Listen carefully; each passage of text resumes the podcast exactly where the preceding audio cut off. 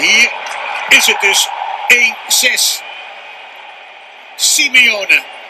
De familie Simeone scoort in de Johan Cruijff Arena.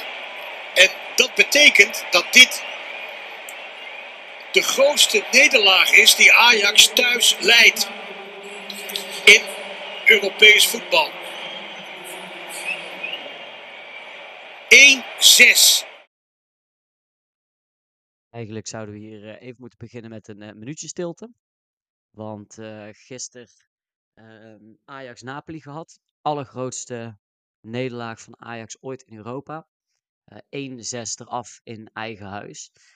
welkom in ieder geval bij aflevering 9 van Pleintjespraat. We gaan vandaag de wedstrijd bespreken. We gaan kijken van wat ging er nou allemaal mis en hoe nu verder.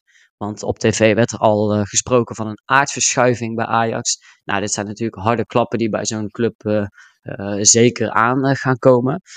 dit gaan we vandaag doen met mij en Mark. Mark, jij was gisteren in de Johan Cruijff Arena. vertel. Ja, klopt. Ik ben gisteren naar de wedstrijd geweest. Misschien hoor je het ook nog een klein beetje aan mijn stem. Ik merk wel dat hij een beetje, een beetje schor is. Maar ja, het was uh, echt schokkerend die wedstrijd. En totaal niet wat we ervan verwacht hadden natuurlijk. We zijn natuurlijk de laatste jaren echt heel erg ja, blij gemaakt in de Champions League en thuiswedstrijden voornamelijk. En die sfeer hing er ja, aan het begin wel redelijk. Maar dat sloeg heel erg snel om natuurlijk naar die, naar die goals. En het was echt meer een beetje ongeloof van wat gebeurt hier al voor rust al achter staan. En na rust werd het alleen maar erger, de wanvertoning. Dus ja, ik ben zelf wel heel de wedstrijd gebleven. Ik heb het helemaal afgekeken, maar ik, dat, ik was daar niet... De meeste die gingen toch wel eerder weg. En dat is ook wel, ja, ook wel een slecht teken. Wat vond je daarvan op tv? Dat je zoveel mensen weg zag lopen? Ja, snap ik niet. Ik snap niet dat je voortijdig weggaat. Um, snap ik zelf niks van. Um, en ja, ook dat bijvoorbeeld zo'n Tadic wordt uitgefloten. Snap ik ook niet. Maar ik snap wel dat er enorme onvrede is. En er werd ook gejuicht toen uh, Bobby uh, aan de kant stond. Want in de 72 minuut uh, begon Schreuder natuurlijk pas in te grijpen met wissels. Nou, daar zullen we het zo nog even over hebben. Um, ja, ja, ik snap wel de onvrede. Het ging wel heel snel. Um, ik denk dat je daar ook wel een beetje verwend bent natuurlijk met de afgelopen jaren, wat jij zegt. Uh, dat we heel veel hele mooie wedstrijden hebben gehad, maar dat we ook altijd wel een ondergrens hebben gehad. Dus dat we zelfs ook door sterke tegenstanders als een Bayern München uh, of Real Madrid niet werden weggespeeld in ieder geval. En dat was nu natuurlijk, uh, ja, was totaal werden we overlopen. Nou ja, wat jij inderdaad al zegt, met rust achterstaan met uh, 1-3. Uh, voor rust die 1-3 tegenkrijgen die hard aankwam. Um, ja, bij alle supporters. En dan na rust die 1-4 tegenkrijgen. Ja, dat is. En het werd ook niet beter. Het werd, um, ja, er werd niet gewisseld. De deur werd achterin niet op slot gegooid als je met uh, 1-4 achter staat. Um, en hij vond het zelf ook niet nodig om te wisselen voor de 1-5. En ja, dat zijn wel redenen waarom er natuurlijk uh, Schreuder rot op en dat soort zaken vanaf de F-site worden gezongen. Dus dat snap ik daarin wel. Um, absoluut. Uh, maar er ging in ieder geval heel, er ging echt heel veel mis. Um, ja, het is natuurlijk, we hebben een enorme verandering afgelopen jaar uh, gehad. We hebben een nieuwe trainer, we hebben een nieuw technisch beleid bij Ajax. Um, er zijn een hele hoop spelers zijn weggegaan, veel basisspelers. Uh, als je kijkt dat eerst natuurlijk Onana eigenlijk ook nog een basisspeler was. Nou, Masraoui, Martinez, Gravenberg, Anthony. dat zijn Haller, dat zijn sowieso al spelers die zijn weggegaan, die eigenlijk in de basis stonden. Uh, dus ja, er is een, is een hele grote verschuiving geweest. Er zijn een hele hoop spelers gehaald, waardoor het logisch is dat je een bepaalde transitie doormaakt. Um, dus dat is echt wel logisch. Um, alleen er lijkt geen ondergrens in te zitten. En er lijken, ja, daar eigenlijk de, de vastigheden zijn helemaal weg uit het elftal. Hoe zie jij dat?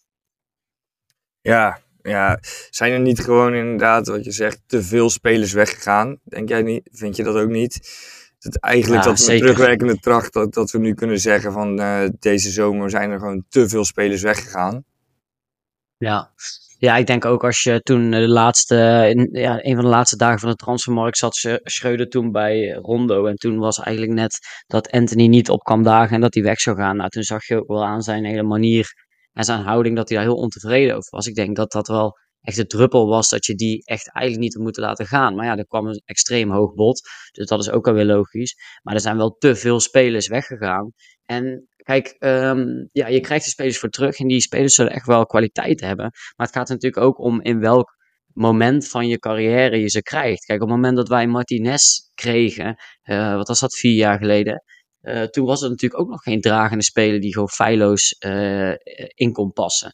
Hè, terwijl um, zo'n ja. speler iets later in zijn carrière juist dat wel is. Nou, dat zou zo bij zo'n Bessie misschien ook wel kunnen zijn.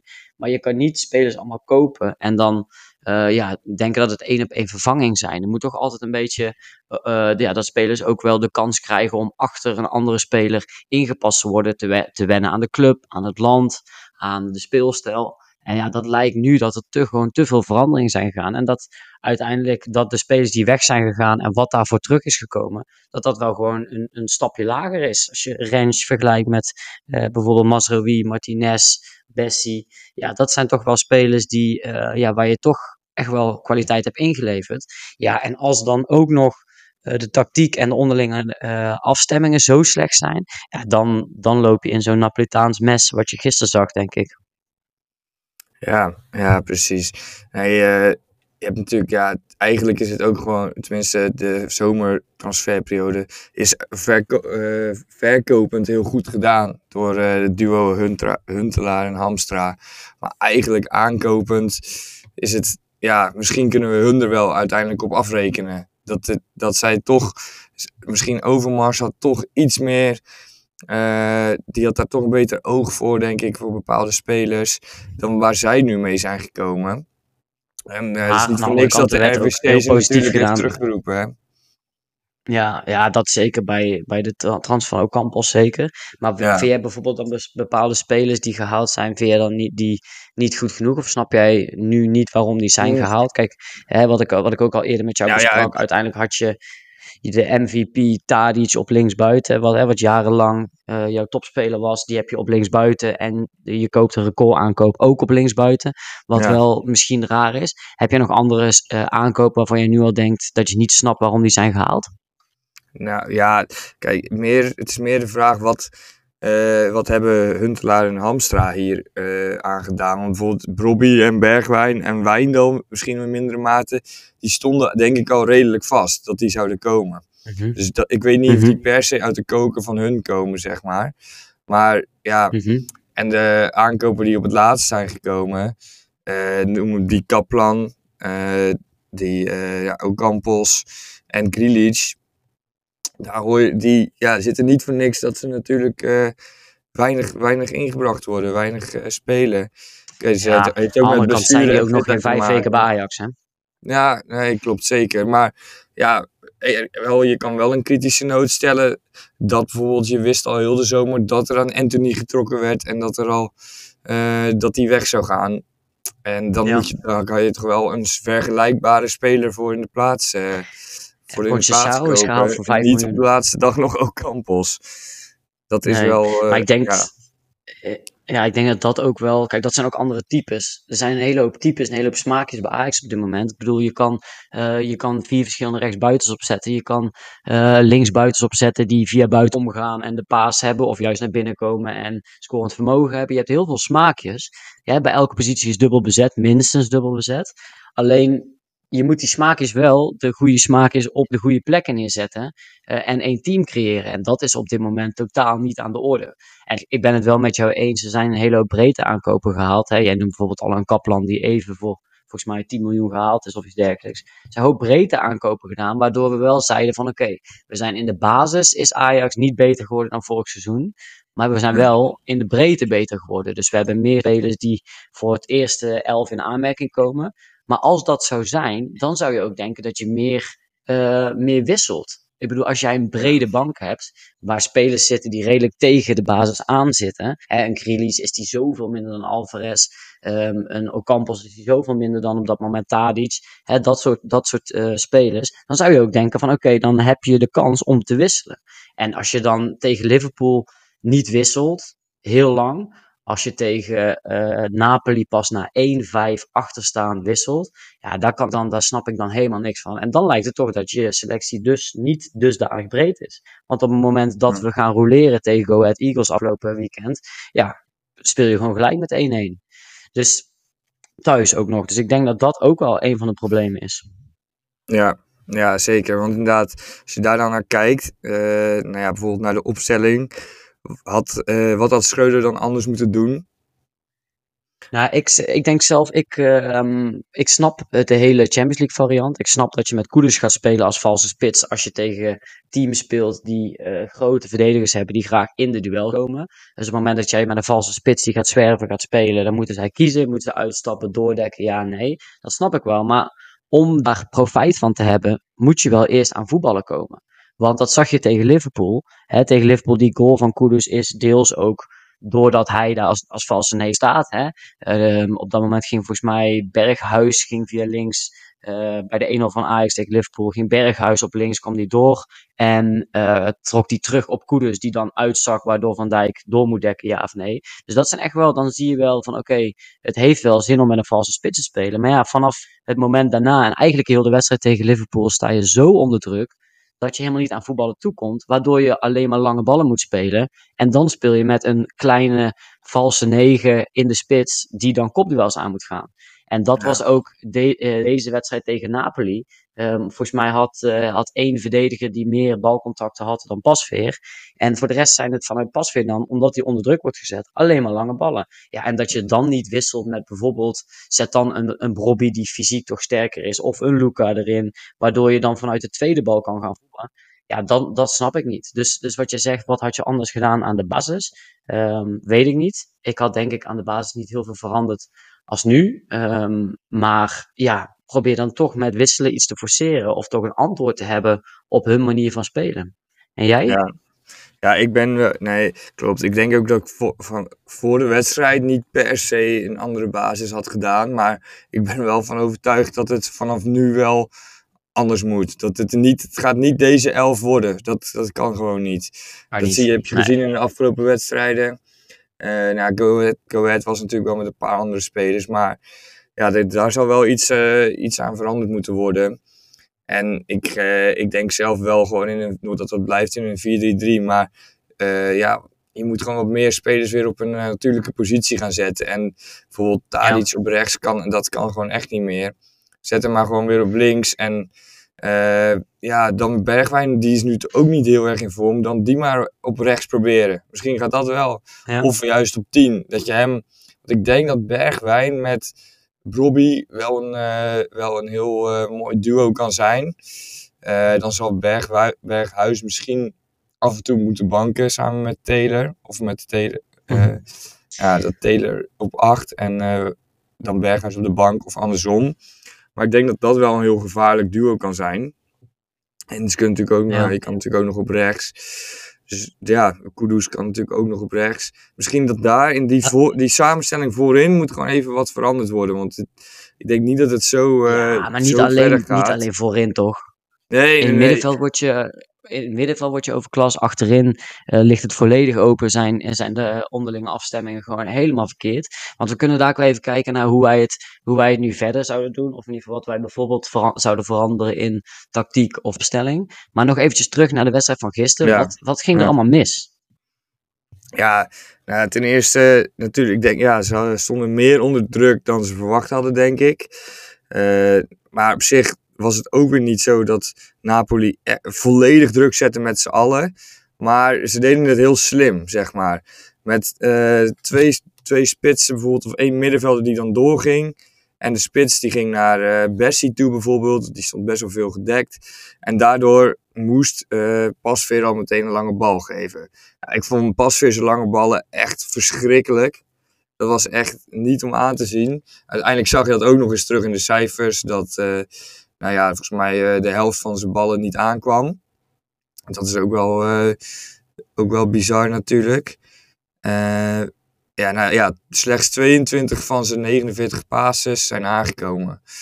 Ja, ja, daarvan heel veel lange ballen. Maar ook kort was hij ook voetballend niet goed. Dus daar ging het al in eerste instantie mis. Dat het bij het druk zetten van Napoli dat Ajax lange ballen ging spelen. Ja, nou, dan, daarbij kwam ook nog eens, vond ik, dat Napoli daarbij veel fitter oogde. Dat zijn echt ja, dat is wel echt een heel goed team. Ook hebben we nu eigenlijk nog helemaal niet benoemd. Maar ik vond het wel echt een mega goed team. Met uh, twee sterke gasten achterin. Gewoon heel degelijk, maar ook een goed middenveld. Iedereen heeft wel power, zeg maar. Dat zag je wel echt uh, terug. En ja, dat vond ik wel. daardoor verloor bijvoorbeeld zelfs Tadic verloor ook gewoon duels van die, van die Koreaanse verdediger en van die linksback. Ja, maar dus hij verloor ook tegen die Griek. eigenlijk al overrompeld die Griek van Liverpool, de duels en door de druk. Ja, ja Tadic verloor tegen die Griek van Liverpool linksback ook eigenlijk alle fysieke duels. Ja, ja. ik denk ook dat het uiteindelijk is je team ook uh, goed omdat je gewoon afspraken hebt. Je hebt uiteindelijk altijd bepaalde, um, ja, bepaalde vastigheden in je elftal zitten. Van hè, als de back naar binnen gaat, gaat de centrale verdediger iets naar rechts. Uh, je pakt elkaar zone op. Wanneer doe je mandekking? Wanneer uh, pak je iemand zonaal op? En dat, is, dat was nu gewoon echt helemaal echt. Dus je zag zo vaak dat er dan uh, dat bijvoorbeeld Blind dan er niet was en dat Alvarez daar niet oppakte en dat Bessie dan dom uit ging stappen, bijvoorbeeld bij die 1-3, waar het dan in één keer helemaal open ligt.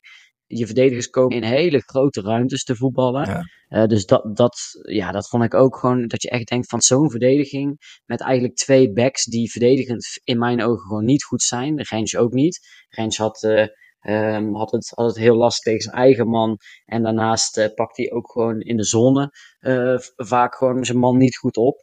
En ja, met zo'n backs en dan uh, centrale verdedigers die dan hele grote ruimtes komen te voetballen. Timber en Bessie zijn denk ik echt goede verdedigers in iets kleinere ruimtes. Maar nu, nu was, lag het gewoon helemaal open. En ja, dat zijn toch wel dingen die je van tevoren een beetje kan verwachten. En um, ja, dat vond, ik, dat vond ik echt schrijnend overkomen. En dat zag er niet uit. Dat was echt niet om aan te zien. En ik denk dat daarnaast ook, um, ja, dat ook je aanval gewoon niet goed rendeert. Uiteindelijk uh, is een Tadic staat dan veel aan die kant. En als hij dan een bal krijgt, moet hij naar binnen toe gaan. Nou, hij heeft uiteindelijk niet de explosiviteit om een man echt helemaal langs te gaan. Ook als hij op links staat, is het toch meestal een beetje een halve actie, waardoor hij genoeg ruimte heeft om een voorste te geven. Nou ja, met zijn linkerbeen op dit moment is, is niet goed genoeg om een actie naar binnen te gaan, je man voorbij te gaan en bijvoorbeeld op goal te schieten. Dat zit er ook qua explosiviteit niet in. Nou ja, dan zou je nog moeten denken, oké, dan moet het heel goed zijn, de onderlinge afstemming tussen Tadic en Rens, waardoor je combinaties kan hebben op die rechterkant. Maar dat was ook niet. Dus heel het gevaar op de rechterkant was er eigenlijk gewoon niet. Dus ja, ik vond, uh, ik vond onze vleugels waren machteloos. En um, ja, ik denk dat, dat er heel veel moet veranderen. Um, zullen wij weer Europees, hè, want stel je gaat naar een Europa League, dat je daar iets van potten kan breken, denk ik, dit seizoen. Ja, zeker, helemaal eens. Nee, klopt. En ja, dat zag je, je zag het ook eigenlijk. Alle goals, ja, er zit wel een, uh, er zit wel een bepaald patroon in. Hè? Dus een aantal goals uh, kwamen echt vanuit ja, ja, een soort omschakeling vanuit de tegenstander naar een slechte na een slechte doeltrap. Wat ook al tegen, tegen Liverpool zo was, volgens mij. Mm Of tegen, uh, ja. En dan had je, je hebt, tegen Liverpool had je bijvoorbeeld ook een goal uit een uh, spelervatting. Nou, dat had je nu ook weer. De tweede goal was natuurlijk die corner. Nou, uh, Pieter Zwart heeft daar in een analyse op VI Pro heeft hij daar een mooie nou ja, uiteenzetting van gemaakt. Wat er allemaal misging bij die corner. En dat is ook echt heel amateuristisch om te zien. Dat ze, ze staan zeg maar nog uh, te discussiëren. En uh, Bessie staat volgens mij nog te discussiëren met iemand. Terwijl Napoli hem al kort neemt. Nou, dan gaat ja. uh, Berghuis gaat lopen wijzen richting Tadic. Dat hij ook moet komen helpen bij die korte corner. Dat doet hij dan ook wel. Maar daardoor verdwijnt, ja, verdwijnt er best wel veel ruimte in die 16. En Timber verliest ook gewoon daarna het duel want ze doen mandekking en die verliest het duel van die, uh, van die Di Lorenzo was het, hè? Ja, Di Lorenzo. Ja, dat is, ja, er zijn in één corner zeg maar echt iets van vier fouten gemaakt of zo. Waardoor ze de korte corner er niet uithaalden. Ze stonden nog niet klaar. Te weinig mensen op de vijf meter. Dus eigenlijk meerdere fouten en dan ook nog je duel verliezen. Ja, dan is het natuurlijk een eitje voor teams als Napoli, maar ook voor Liverpool, die toen uh, daar een paar weken geleden uitscoorden. Dus dat is alweer Ja. ook een, een soort patroon wat terugkomt bij dit soort eh, wedstrijden. En wat je daarnaast zag, bij die derde goal, dat was ook wel echt heel schrijnend voor de voorrust. Ik dacht, nou ja, 2-1 achter. Dit, je gaat niet, eh, tenminste, je gaat gewoon met 2-1 de rust in, toch? Je gaat niet eh, onnodig Ja, dan nemen wonderlijk eh, kijken of je iets kan wijzigen en dan tweede helft ingaan. Ja, en wat zie je ze doen? Ineens gaan ze met, ze gaan met z'n allen naar voren. Eigenlijk een beetje, ik vond het een beetje scenario, nou wel iets anders, maar een beetje scenario zoals Tottenham thuis. Ook gewoon Mhm. nog een prima tussenstand, maar dan door met zoveel man naar voren te gaan voor het einde. En dan ligt het eh, achterin helemaal open, weet je wel. Dat was echt, Naïef. ja, ik zag, ik zag die eh, gast, vrij- twee gasten in de middencirkel vrij staan. En dan zie je Bessie en Rens, denk ik, die eh, staan heel erg breed. Dus in het midden, staan, midden ligt de ruimte en aan de zijkant eh, staan alleen nog Ajaxiden. Ja, dat is gewoon, Mhm. dat, dat is weer een soort van dat aanvallen met de deur open. Wat eh, al vaker is eh, misgegaan. Onder Peter Bos was dat. En eigenlijk onder Ten Hag is dat ook een paar keer gebeurd. Dus dat blijft ook een beetje zo'n patroon in dit soort wedstrijden tegen. Nou ja, dit soort een keerzijde van je aanvallend voetballen. Ja, ja, ja, zeker. Maar ja, dat is natuurlijk. eh, ja, want dat levert je wel die 3-1 voor, eh, voor rust op. En daardoor was het eigenlijk al klaar. En dan na rust, ja na rust eh, meteen die 4-1 tegenkrijgen. Dus ja, het was echt. eh, het was niet normaal. En ik vond ook wel. Je had een hoop dingen kunnen doen, Ja. uiteindelijk. Ehm, er was ook veel kritiek op wie die dan wisselt. Uiteindelijk gaan, Mhm. gaat eerst Telen, wat eigenlijk je beste middenvelder was in de eerste helft, wordt eraf gehaald. En Berghuis, nou, je weet niet, qua fitheid natuurlijk kan er altijd wel iets bij zitten. Maar over het algemeen snap ik niet waarom die eruit worden gehaald. En er is natuurlijk veel kritiek op waarom eh, een blind, maar vooral Tadis dan blijft staan. Ehm, ja, dat lijkt ook wel een probleem. Uiteindelijk, Schreuder heeft, eh heeft Tadis sinds augustus, zag ik, eh, geen één keer gewisseld. Ehm, en ehm, nou ja, hij laat hem staan en uiteindelijk krijgt hij dan ook nog rood. eh, wat natuurlijk alleen maar een beetje karakteriserend eh, is.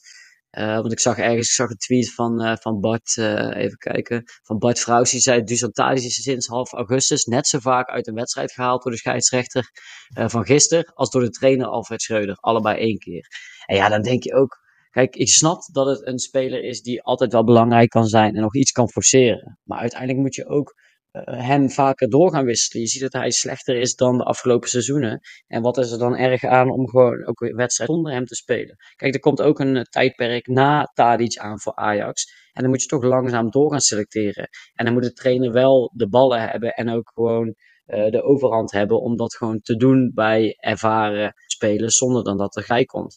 Want ik snap wel, als Ja. jij een Taylor bent die speelt een goede wedstrijd en jij wordt er uitgehaald, maar een Tadic bijvoorbeeld niet, dat dat ook voor onvrede kan zorgen. Ja, ja, klopt. Ja, dat, was, ja, dat zag je natuurlijk ook bij die, eh, bij die rode kaart. Een soort van het, een beetje een soort cynisch applaus en gejuich, ge, gejoel, gejuich van alles. Toen Tadic eh rood kreeg en eruit ging eindelijk. Ja, ja, het was wel Ja. echt een. eh, de- ik moet wel zeggen dat de sfeer er wel echt heel cynisch was de tweede helft. Dus ik ben er, ben er zelf niet zo heel erg van om zelf je spelers te gaan uitfluiten. En het Schreuder oud en zo te roepen. Maar dat zag je dus gisteren wel. Maar eh, Ja. ja. daarom is dus best wel roep vanuit de supporters om hem eruit, om af en toe wat meer die, eh ja, daar iets te wisselen. Ik denk ook wel Mhm. dat hij dat moet Ja. doen. Maar ik werd ook helemaal, wat ik ook altijd helemaal gek van word, is dat eh, ze zo laat wisselen vooral. Ja, snap ik ook niet. is iets wat Ten ook deed. Ten Hag zelfs na de net opnoemt, 80ste dat minuut. is 72e minuut, hè? Ja. Berg, Ja. Berghuis en Taylor, ja. Toen stond het volgens mij al 5-1 of zo. Ja, er stond 4-1, 1-5.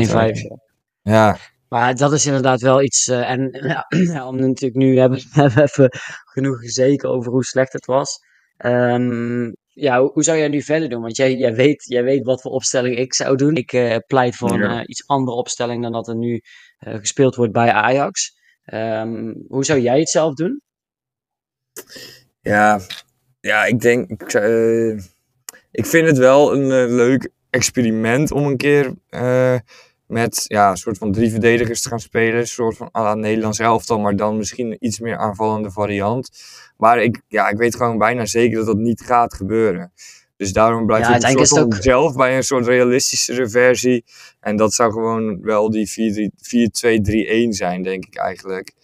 Eh, wel Ja. met, een, met een 10 het liefst. En een diepe, diepe spits. En ja, dat ja, blijkbaar nu met eh Kudus, dat, ja, tegen dit soort teams, het werkt, het werkt wel een beetje, Ja. maar het ook weer ja, al heel snel niet meer. En in de competitie zelf zal het ook niet veel gaan werken. Dat zag je, dat ja. Dus ik zou wel Schreuder voor is daar eh, vaker over gevraagd aan het begin van het seizoen. Ook omdat hij met, eh met Nagelsman natuurlijk verschillende opstellingen altijd speelde. En hij Ja. zegt ook van ja, een 4-3-3 eh, is ook maar op papier. Uiteindelijk gaat het om de Ja. veldbezetting. En de opstelling Ja. die ik bedoel is natuurlijk ook, uiteindelijk ook gewoon een 4-3-3. Ehm, alleen de veldbezetting is gewoon iets anders.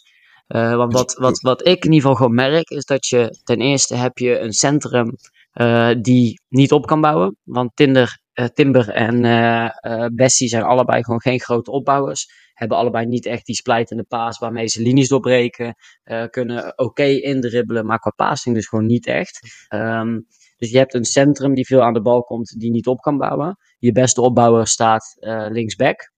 Ehm, ik vind Range vind ik dit seizoen een van de zwakste schakels bij Ajax. Ik vind hem eh, in wedstrijden dat hij lekker kan aanvallen oké. Eh, en dan kan hij echt wel goed zijn. Eh, maar Ja. hij voegt eh, in balbezit voegt hij gewoon niet zoveel toe als bijvoorbeeld een Mazraoui. Kijk, Mazraoui met hem op rechtsback, hem inschuift in het middenveld, kon je echt onder druk uitvoetballen. En zo goed is in balbezit Range niet in mijn ogen. Nee, en, Ehm, en nou, daarbij, ik vind daarbij dingen. aansluitend er ook nog wel, viel me gisteren wel weer, ook weer op, hij is ook niet fel genoeg. Hij heeft heel Nee. vaak, moet je maar eens terugkijken bij de goals van eh, dit jaar, dat hij hem net ehm, een bal mist bijvoorbeeld, of een soort van in een, du- in een duel ehm, de bal sli- met een sliding tegen de tegenstander aan doet, waardoor Ja, hij hem nog net eh, meekrijgt. die- Hij pakt niet de geel, de geel. hele bal, weet je wel. Hij, pakt, hij doet het Mhm. altijd een beetje half. En dan kan de tegenstander alsnog doorlopen. En dat is echt al meerdere keren gebeurd. Natuurlijk tegen AZ ook een soort van dat hij zo uitgleed, slash sliding. En daardoor Ja. ook eh, die spits door kon lopen. Een van die goals van gisteren was ook eh, dat hij een sliding inzette, volgens mij. En dat hij weer tegen die Kvaratskhelia aankwam. En die eh, scoorde Ja. toen. Klopt. Dat is ook wel een Nee, ding wat hij, beter moet, eh, wat hij moet verbeteren. Ja, nee, in mijn ogen gewoon daarin de zwak schakelt dit seizoen. Daarnaast heb je een linksbuiten met Bregwijn die veel naar binnen komt. En nou, op het moment dat hij naar binnen komt, is hij redelijk spelbaar. Maar als hij een linksback achter zich heeft die 30 keer een overlap maakt, eroverheen gaat en ook gevaarlijk is zelf, dan maakt het hem in één keer een stuk, ehm, een stuk minder eh, spelbaar. Een stuk met een Arjen Robben ook. Arjen Robben was ook onvoorspelbaar, omdat Laan altijd buitenom ging. En ik denk dat Berghui, of, ja, Bergwijn ook, eh, ook in het begin van het seizoen met Wijndal achter zich gewoon een stuk beter is. Omdat Wijndal dan dezelfde eh, rol heeft als dat hij bij AZ met Carlson bijvoorbeeld had, of met Idrissi daarvoor. Ja. En ik denk dat die wisselwerking gewoon heel goed zal zijn. Ehm, en eigenlijk, ja, nou ja, daarnaast zie je gewoon een Thalys op rechtsbuiten, wat gewoon totaal niet werkt. Ehm, en daar moet je ook iets aan gaan doen. Eh, dus ik zou zelf, eh, mijn opstelling zou zijn dat je op papier 4-3-3 speelt. Met Wijndal, Bessie, Timber. Of eh, sorry, Wijndal, Bint, Bessie, Timber achterin. Ehm, Oh ja. Dat je op het middenveld speelt met Taylor en eh, Alvarez en op 10 Berghuis. Eh, en dat je voorin speelt met Begwijn, Bobby en eh, rechts kan je dan afhankelijk van de tegenstander kan je of met Campos spelen eh, of met Conceição als hij zich iets ontwikkelt en fit wordt. Eh, en hoe dat dan eruit zal zien qua veldbezetting is dat je uiteindelijk uh, zal Wijndal die is het veel die staat veel heel breed en redelijk veel diep. Dus dan komt Blind vaak een beetje in die, die ja, linksback slash linkscentrale uh, kom, zone komt hij terecht. En dan heb je hem als opbouwer. Heb je Bessie in het midden, die verdedigend natuurlijk gewoon goed is, ruimtes kan belopen. En dan heb je Timber op rechtsback slash rechtsacht, uh, slash rechts centrale verdediger. Die dan een beetje dezelfde rol heeft als bij Oranje. Um, en ja, als hij dan voor zich rechtsbuiten Ocampos heeft. Nou, Ocampos heeft bij Sevilla al vaker als wingback gespeeld. Dus die kan met zijn fysiek en zijn snelheid kan die ook uh, daarin verdedigend belangrijk zijn. Um, en dan speel je op middenveld speel je toch meer met Alvarez en Taylor een beetje naast elkaar. Gaat Berg Wijn iets meer naar binnen toe. Door die wat meer achter Bobby komt te spelen. Samen met de nummer 10 Berghuis. Uh, en Berghuis komt dan ook echt in die rechtere zone terecht waar die altijd gevaarlijk is. En dan rechtsbuiten, eh, Conceição of Ocampos houdt gewoon breed. Waardoor je Wijndal en de rechtsbuiten hebt die het echt breed houden. En waardoor je gewoon meer betere veldbezet hebt. en in mijn ogen is dat meer iets wat, wat Ajax nodig heeft en waardoor ze toch dat opbouwen. en die aanval gewoon meer onvoorspelbaar maken. Dus dat is in mijn ogen wel de opstelling wat, wat Ajax in ieder geval verder zou helpen dan, dan wat ze nu hebben. Ja, ja wel, het is wel een gaaf. Nu ik hem zo hoor, vind ik het wel een gave opstelling, inderdaad. En ik denk ook wel bijvoorbeeld wat je met Brobby. Dat Brobby en Bergwijn elkaar wel ook heel goed, uh, heel goed aanvoelen. En mm -hmm. kijk, je kan, bij, je kan ook nog discussiëren over of je dan Berghuis op die aanvallende middenveldpositie wilt of Tadic. Maar ja, dat kan natuurlijk nog per wedstrijd uh, Die kunnen er allebei goed, want Tadic was op 10 tegen Groningen toen we 6-1 wonnen begin van het seizoen. Dus hij op 10 ook best goed. Ja. En uh, ja, dat, dan komt hij een beetje een soort valse spitsrol terecht. Nou, ja, dan kan je hem neerzetten, kan je Kudus neerzetten, kan je Berg, uh, uh, Berghuis neerzetten. Nou, daarnaast heb je natuurlijk verschillende smaakjes met een Krilic en een uh, Alvarez. Hè, meer een paser of meer uh, iemand die de deur achterin op slot houdt. en heb je rechtsbuiten met Ocampos en Conceição ook twee verschillende spelers. Want op het moment dat je wat meer, ja, wat meer een wingback nodig hebt die verdedigend ook zijn taak doet, heb je Ocampos die ook natuurlijk in de omschakeling, als je ruimtes krijgt, goed kan zijn. Ja, en als je toch tegen wat, wat mindere tegenstanders speelt, kan je met een Conceição, die toch la Anthony goed is in de 1 tegen 1, hè, dan isoleer je hem aan de zijkant, speel je hem in en dan laat je hem een man voorbij komen vanuit, die, uh, vanuit uh, de zijlijn. Dus ik denk dat je dan best wel wat verschillende smaakjes hebt um, ja. ja. in deze opstelling.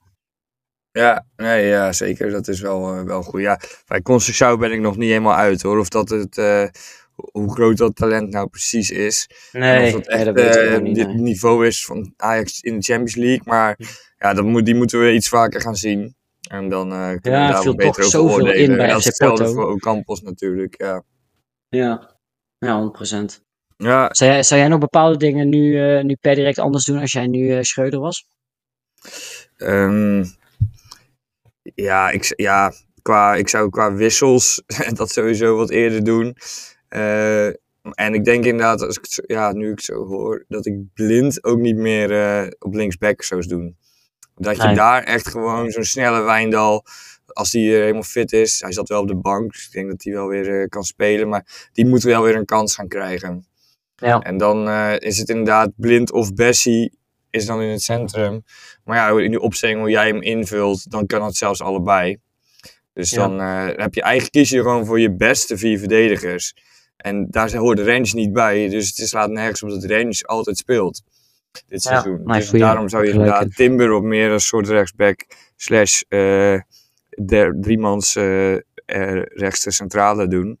Dat zou wel een optie kunnen zijn, ja. Daar ben ik Ja. het wel mee eens. Um, Oké. Ja, laten we, laten we de, deze wedstrijd even achter ons laten. Heb je voor de rest nog wat Champions League wedstrijden gezien of niet? Of in ieder geval samenvattingen of dingen gevolgd? Niet zo heel veel, nee. nee ik, uh, ik was laat thuis uh, vannacht. En uh, ik heb eigenlijk heel weinig gezien. Um, dus ja, ik hoop dat jij me iets meer kan vertellen. Uh, wat ik zag, uh, jouw Barça heeft, uh, heeft verloren. Een hele belangrijke wedstrijd. Ja, ze hebben verloren inderdaad. Dus eh, ze, ze hebben uit van Inter verloren. En eigenlijk Barça zit een beetje in hetzelfde schuitje als Ajax. Ze spelen eigenlijk de dubbele wedstrijd tegen de tweede beste van de pool. Eh, dus in plaats van Napoli is dat Inter. Eh, en moeten dus eigenlijk vier punten halen uit twee wedstrijden. Nou, ze hebben de eerste wedstrijd uit eh, in San Siro hebben ze verloren. Was wel, ja, was wel echt onterecht. Wat ik in ieder geval zag, want ik had hem ook opstaan. Ik zat in een, in, een- toevallig zat ik in een, een Napolitaanse pizzabar in Barcelona zat ik, Ja. zat ik te kijken. En had ik bij de scherm had ik Ja, staan. dat is, dat En, is ook wel nou- een dikke jinx, hè. Dat moet je ook nooit doen. ja, klopt. Maar ehm, wei- weinig Napoli supporters waren er hoor. Maar er was eh, iemand die we via via kende, die, eh, die kende daar die eigenaar. Eh, dus ik had beide schermen had staan. En nou, je bent vooral natuurlijk naar Ajax aan kijken. Maar je ziet tussendoor ook Inter. Nou, die verdedigt in ieder geval wel heel goed. En kwamen er echt een aantal keren echt gevaarlijk uit. Ook nog een afgekeurd doelpunt. Maar wat ook wel echt vooral opviel. Barca had natuurlijk een aantal afwezigen achterin. Met een Araujo die lang geblesseerd is. Met een Koundé. Ja, je merkt wel dat dat wel echt een groot verschil is. Ja, en daarnaast eh, ehm, was, het, was het een eh, pingelmoment waar, eh, waar Dumfries gewoon de bal eigenlijk wegslaat. eh, voordat eh Ansu Fati kan koppen op goal. En die werd zelfs door de VAR werd die niet gezien. Dus dat was echt, ja, was echt bizar. Dus daar werd daarna ook wel echt schande van gesproken. Want dat was wel gewoon een zuivere, uh, zuivere pingel. En daarnaast werd nog een goal van Pedri ook afgekeurd. Dus er zaten wel wat keerzijdes aan de, het verlies. Maar uh, nou ja, jij, jij gaf het al als, uh, als standpunt. Barça gaat de Europa League in. En ja, dat, dat zit nu wel steeds dichter aan te komen. Ze moeten wel thuis van Inter wel echt winnen. En daarna iets van resultaat tegen Bayern München halen. dus dat wordt echt nog een hele flinke kluif. Um, ja, en dat allemaal denk, in dezelfde tijd als El Clasico.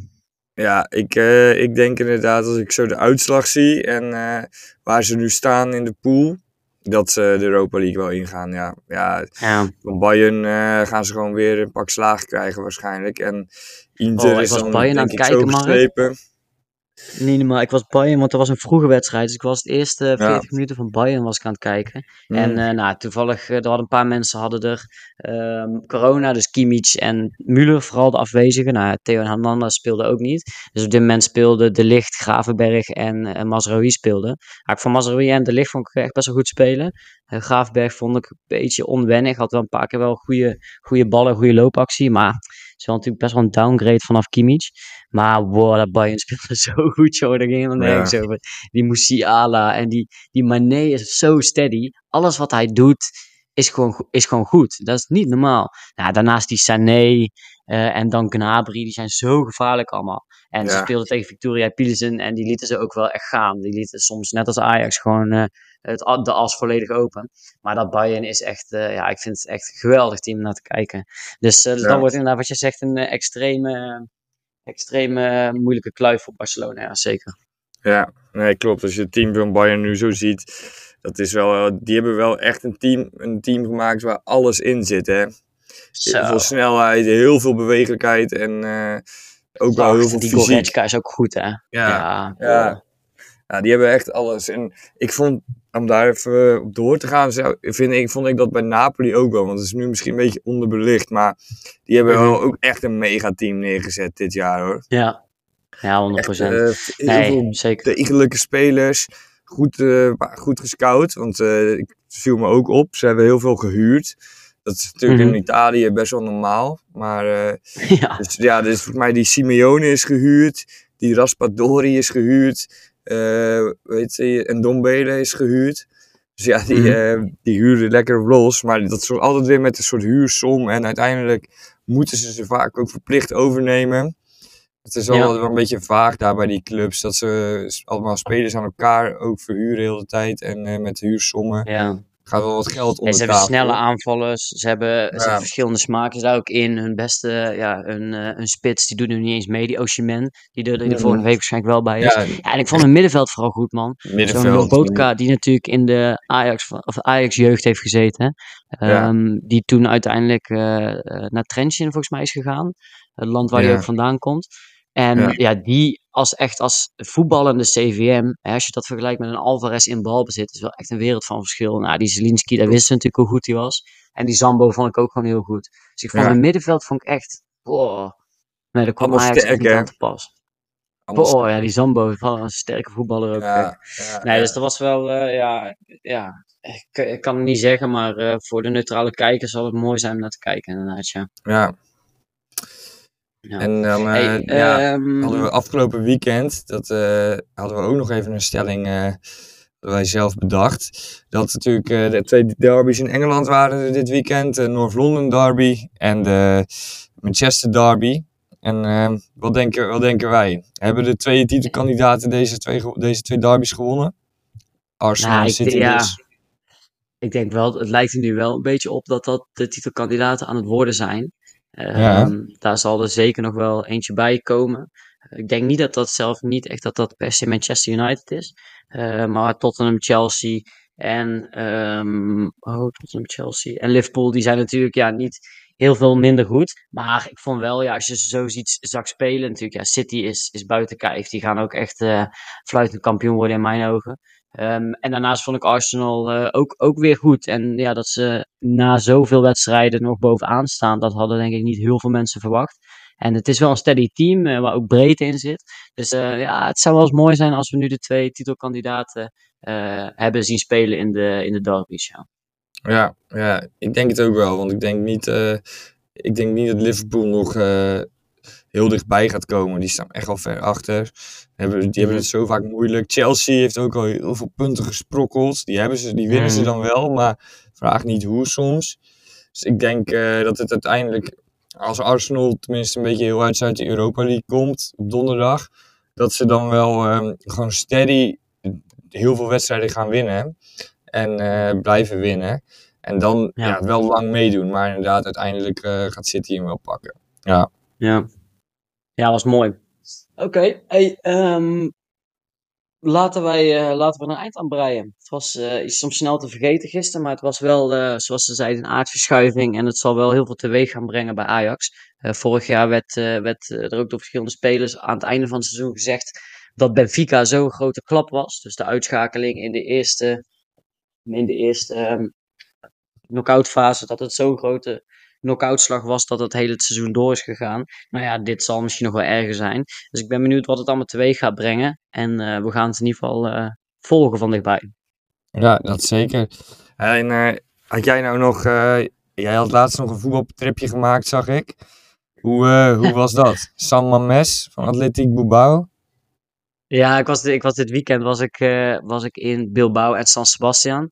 Eh, ik heb net Mhm. de wedstrijden ontlopen, want op vrijdag was ik in San Sebastian. Toen was Bilbao thuis. En toen ik in San Sebastian was, was Real Sociedad speelde uit. Dus ik kon niet naar een Oh. wedstrijd, maar ik ben wel inderdaad naar eh, San Mames geweest. Het stadion van Atletiek eh, Club Bilbao. Ja, Ja. het is geweldig. 53.000 man kan erin, dus een beetje vergelijkbaar met de arena. Ja, gloednieuw. Ja, volgens mij is het eh, 2000, eh, 2012 of 13 of zo is het gebouwd. En het, is, ziet er prachtig uit. Het is echt eh, ook qua faciliteiten. En we hebben daar een stadiontoertje gedaan. Ja, je kon overal doorlopen. Ik heb één bewaker daar gezien. En je kan zelf persruimtes, kleedkamers. eh, het veld kan je op. Dus het was echt eh de koud kan je zitten. Dus dat was, was echt geweldig. Het is een heel mooi stadion. Het lijkt van binnen ook best wel knus. Als in, het lijkt niet dat het zo groot is. Ehm, En het is, wat jij zegt, het is nieuw. En het is, zit heel dicht allemaal op het, op het veld. Want jij, ben jij er ook geweest of niet? Nee, nee, nee. Ik zou Nee, wel een keer oké, ja, het is wel een echt, wedstrijd, ehm, hoor. Ja, is echt moeite waard. Ik zou ook echt graag een keer een wedstrijd eh, daar zien. En eigenlijk ook wel van Real Sociedad. Want eh, Ja. Nou ja, eh, voor, de, voor de mensen die van eten houden en eh, van strand en van mooie steden is San Sebastian echt de allergrootste aanrader ooit. Ja, als je dat kan Oh. combineren met Real Sociedad, ook vooral in de vorm die ze de afgelopen jaren hebben, dan is dat wel, wel heel vet. Dus Ja. eh, nee, daar ga ik zeker nog wel een keer terugkomen. En als dan ook nog dat weekend Bilbao thuis speelt, dan heb je wel echt helemaal top. Dat je ze kan Zo, ja. combineren. En eh, ja, hele vette steden. San Sebastian natuurlijk echt, eh, echt aan de kust. Ziet er altijd wel heel mooi uit. Ja, Ja, dat is wel echt is eh, prachtig. wel heel vet, ja. Mark, wij spreken elkaar weer. En ehm, niet te lang eh, wakker liggen van de, van de nederlaag gisteren. Nee, precies. Gaan we, gaan we dit weekend weer kijken wat er allemaal eh, gaat gebeuren op de velden. En eh, nou ja, hopelijk ook wel een overwinning van Ajax natuurlijk. eh, even eh, goed Precies. rechtzetten tegen Volendam. Helemaal goed. Later. Oké, later.